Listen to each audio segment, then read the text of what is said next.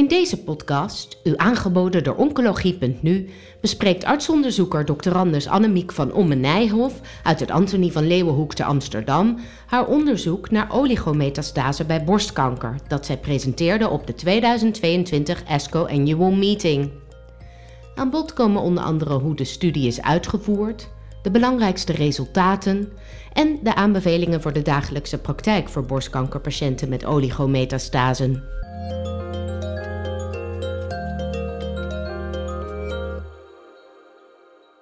Annemiek van Omme Nijhoff, artsonderzoeker bij het Antonie van Leeuwenhoek. Welkom. Uh, je hebt tijdens de ASCO jullie onderzoek naar oligometastasen bij borstkanker gepresenteerd. En kun je iets zeggen van waarom jullie met deze studie begonnen zijn?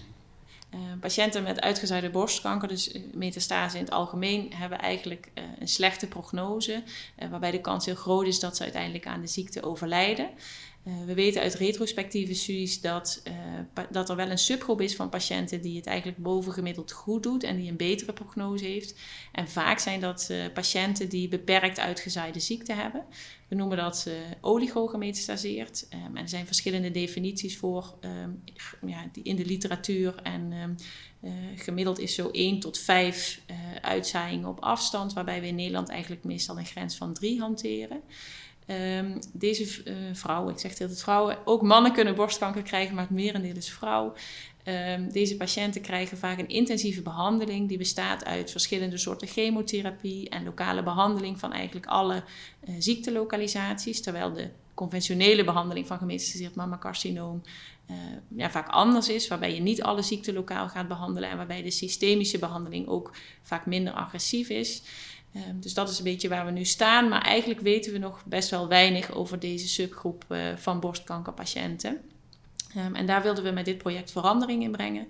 Dus we hebben gekeken uh, in het Antonie van Leeuwenhoek um, hebben we eigenlijk een real-life uh, cohort opgesteld van patiënten die daar behandeld zijn um, en met oligogemetastaseerde ziekte om te kijken hoe is nu hun prognose op de langere termijn en wat zijn factoren die bijdragen aan uh, een beter of misschien wel een slechtere kans op, uh, op een goede prognose.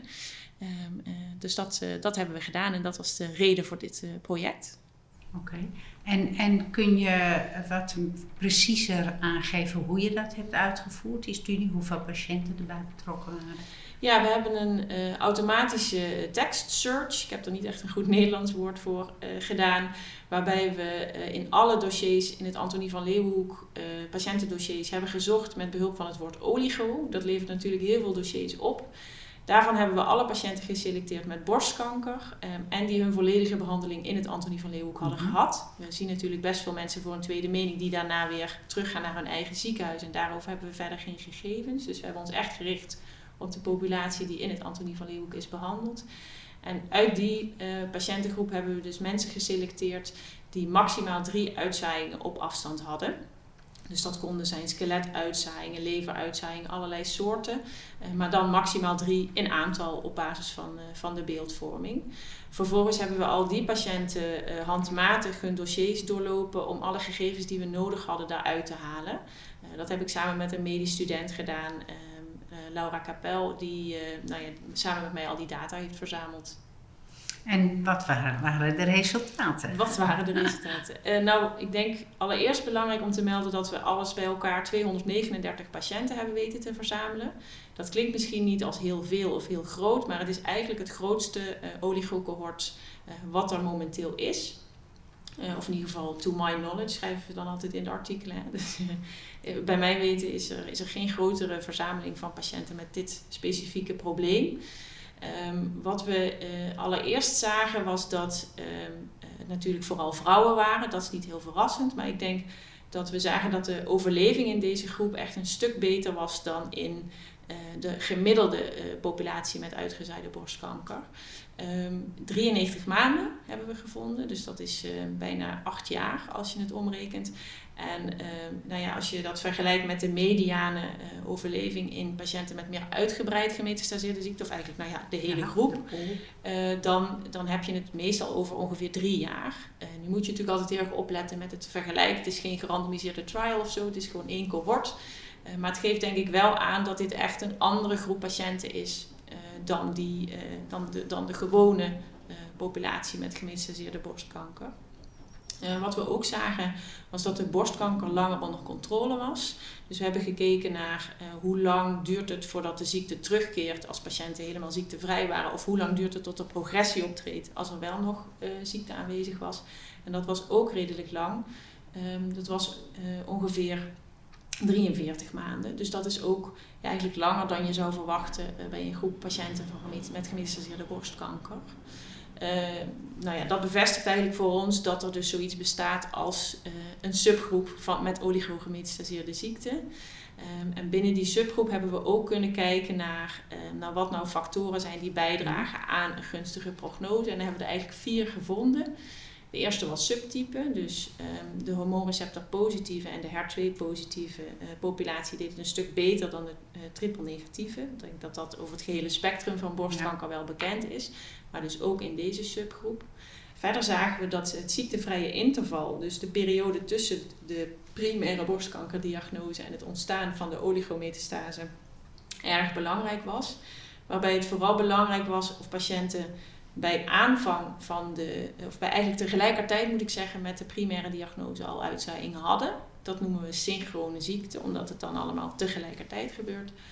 Um, of dat het later kwam, dus dat er tijd zat tussen de primaire diagnose en de uh, uitzaaiingen. Waarbij patiënten die heel snel na de primaire diagnose, uh, eigenlijk binnen twee jaar, um, uh, al metastase ontwikkelden, dat was vooral de, de slechte groep. Dus dat waren patiënten die minder goede vooruitzichten hadden. Uh, en patiënten die relatief lang hadden tussen de primaire tumor en het ontstaan van die oligometastase, die deden het eigenlijk ongeveer net zo goed als die synchrone groep. Dus mensen die tegelijk hadden. Um, daarnaast dus de, de factor ziektevrij interval is belangrijk. Daarnaast zagen we dat uh, de respons op eerste lijns medicamenteuze behandeling van belang was. Dus wat we uh, zagen was dat uh, patiënten die een complete respons haalden op de eerste systemische behandeling, vaak kregen ze natuurlijk verschillende behandelingen, maar we hebben gekeken naar de eerste, um, dat die vooral een, een, goede prognose hadden en ook patiënten die überhaupt respondeerden ten opzichte van zij die progressie hadden eigenlijk al van ziekte op de eerste behandellijn. Um, en als laatste factor hebben we gevonden dat lokale behandeling van alle metastase uh, belangrijk is uh, in de prognose. Dus bijna alle patiënten, moet ik er wel bij zeggen, in dit cohort hebben lokale behandeling gehad van alle uitzaaiingen. Dus dat kon bestraling zijn of chirurgie of iets anders. Um, en uh, we zagen dus dat het, het, ondergaan van die lokale behandeling, dat dat prognostisch was, gunstiger was. Um, risico natuurlijk altijd daarbij is dat we juist patiënten hebben geselecteerd um, met een goede prognose die daar, nou goed, confounding by indication zal ik het maar even noemen. Uh, dus dat, uh, dat moet je denk ik wel in je achterhoofd houden, maar dat die lokale behandeling een rol lijkt te spelen, dat komt wel uit onze data. Ja. En kun je nog iets zeggen over biomarkers? Um, nou, we hebben geen uh, data als in, ik denk okay. dat je bloedgebaseerde uh, biomarkers of beeldvorming of zo bedoelt. Ja, of, of uh, hormoonreceptorstatus. Of... Ja, de hormoonreceptorstatus, is de, de, dat bedoelde ik met ja? subtype. Okay. Ja, dus de hormoonreceptor positieve uh, tumoren deden het beter dan de triple negatieve en de HER2 positieve tumoren ja. ook. Maar we hebben geen verdere in-depth biomarker analyse, okay. omdat het echt een, een real-life cohort is wat ik retrospectief heb bekeken. Um, dus we hebben geen, uh, geen verdere bloedbuizen die we nog kunnen analyseren van die patiënten. Of, uh, nou goed, zouden we, zouden we een nieuw project voor kunnen schrijven om te kijken wat er nog in de vriezer ligt, bij wijze van spreken. Maar daar is nu geen, dat hebben we nu niet gedaan. Ja, nee. ja. En kun je iets zeggen over de klinische impact van de resultaten die je uit deze studie hebt gehaald? Um, ja, ik denk dat um, de klinische impact in de eerste plaats is dat we heel duidelijk laten zien dat er zoiets bestaat als oligometastatische ziekte. Er zijn nog, soms nog wel eens wat believers en non-believers. En ik hoop dat we de non-believers met dit ja. uh, project uh, hebben kunnen overtuigen van het bestaan van deze ziekteentiteit. Uh, plus ik hoop dat nou ja, de prognostische factoren die we hebben gevonden bijdragen aan een beter gesprek tussen behandelaren. Want er zijn vaak verschillende soorten dokters betrokken bij dit type borstkanker. Over wat nu de beste strategie is voor een patiënt. Maar ook in het gesprek met de patiënt. Um, als iemand uh, bijvoorbeeld maar een hele korte tijd heeft tussen het ontstaan van de primaire tumor en het ontstaan, of uh, tussen het ontstaan van de oligometastase en de primaire tumor.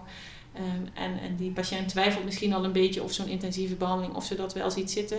Ja, dan kan je dat wel meenemen, denk ik, in de besluitvorming. En, en voor die patiënt ja, dat haar prognose misschien minder gunstig is dan die van iemand anders. En dat zij misschien minder bereid is om meer bijwerkingen te, te accepteren eh, voor een kleiner risico of een kleinere kans op voordeel. Ja. Ehm, we weten natuurlijk eigenlijk niet goed, want we hebben geen gerandomiseerde trial. We, hè, dus we kunnen heel moeilijk voorspellingen doen. Maar ik denk wel dat het factoren zijn die, die je mee kunt nemen. Zeker. Ja. En, en ga je nog verder met dit onderzoek? Uh, nou, met dit onderzoek denk ik, nou, we hadden het net over biomarkers. Wie weet uh, gaan we daar nog een project voor schrijven om te kijken wat er nog is van deze patiënten. En we zouden nog scans kunnen reviseren en heel veel interessante dingen kunnen bedenken. Um, maar dit, dit cohort, uh, zoals het nu is, is het eigenlijk klaar. Um, wat um, de, de, de, onderzoekslijn uh, naar oligogemetiseerde ziekte, die loopt uiteraard wel door. Uh, waarbij een belangrijk uh, punt denk ik om te melden is, is dat de gerandomiseerde oligo-studie net klaar is. Um, dat is een studie waarin we gekeken hebben naar patiënten met oligogemetiseerde ziekte en een bepaald gendefect, homologe recombinatiedeficiëntie. naar de toegevoegde waarde van hoge dosis chemotherapie in die populatie. Um, en die studie is net na bijna tien jaar klaar met includeren van patiënten. Dus we hopen dat we daar snel resultaten van kunnen brengen. Um, en verder is er in het AVL recent, of recent, eigenlijk zijn ze nog niet gestart moet ik zeggen, uh, is men bezig met het opstarten van een uh, registratiecohort voor patiënten niet echt oligometastatische ziekte zelf, maar patiënten die oligoprogressie hebben. Dus waarbij je maar één uh, borstkankerlesie progressief is, terwijl de rest allemaal stabiel blijft om te zien uh, ja, wat, wat we daar eigenlijk het beste bij kunnen doen. Um, en ik weet dat er ook nog verschillende andere projecten in opstart zijn om met name te kijken naar wat is nu de beste uh, systemische behandeling, dus echt een medicamenteuze behandeling voor deze groep. Uh, want heel veel onderzoek in dit subtype gaat, is best wel gericht op radiotherapie optimaliseren. dus is, is het zinnig om lokaal te behandelen en hoe doe je dat dan goed? Uh, maar wat echt nog een onbeantwoorde vraag is, is wat de optimale systeembehandeling is voor deze vrouwen. En uh, vrouwen, patiënten moet ik zeggen, het zijn meestal vrouwen. Um, uh, ik denk namelijk echt dat, dat het voor patiënten heel veel uitmaakt of ze één tablet hormoontherapie krijgen, wat de standaard palliatieve behandeling is. Of dat ze vier soorten chemotherapie krijgen. iets, iets wat we dus regelmatig doen binnen zo'n oligo-setting. Um, en het zou heel fijn zijn als we beter kunnen onderbouwen of, of beter kunnen onderzoeken wie wat voor soort systemische behandeling nodig heeft. En dat we dat beter kunnen afstemmen op de patiënt die voor ons zit. Ja. Heb je verder nog dingen die je zou willen melden? Uh, ja, ik heb van alles te melden. uh, ik denk dat uh, voor deze patiëntengroep het heel belangrijk is um, dat je samenwerkt in een, in een multidisciplinair team. Ik noemde net al kort, er zijn vaak veel dokters betrokken en dat is denk ik echt eh, een heel belangrijk onderdeel van de behandeling. Dus je hebt de, de, de systemische kant, de medicamenteuze kant, waar dan een beetje mijn uh, interesse ligt als, als internist-oncoloog in opleiding. Maar hè, dus de, de medicamenteuze behandeling van, van de ziekte. Maar daarnaast is het heel fijn als je samenwerkt met chirurgen die weten wat oligometastatische ziekte is, radiotherapeuten die dat weten en die nou ja, uh, kennis van zaken hebben en ook oligopatiënten als zodanig herkennen, um, waarbij iedereen als het ware ook dezelfde taal spreekt. Um, er zijn in de literatuur allerlei definities en verschillende um, uh, nou ja, manieren om, om naar deze ziekte te kijken. En ik denk dat het heel belangrijk is dat we daarin uniformiteit creëren, zodat het hele behandelteam echt nou ja, die expertise heeft en, uh, en op, op alle vlakken zeg maar, de behandeling optimaal kan worden voor de patiënt. Uh, dat is denk ik uh, wel een belangrijke toevoeging. Mooi, dankjewel. Ja. En uh, veel succes met je verdere onderzoek. Dankjewel. Bent u geïnteresseerd in meer podcasts? Deze zijn te vinden op de website www.oncologie.nu. Heeft u zelf een onderwerp of onderzoek dat besproken kan worden in een podcast? Mail het naar info.uitgeverij-jaap.nl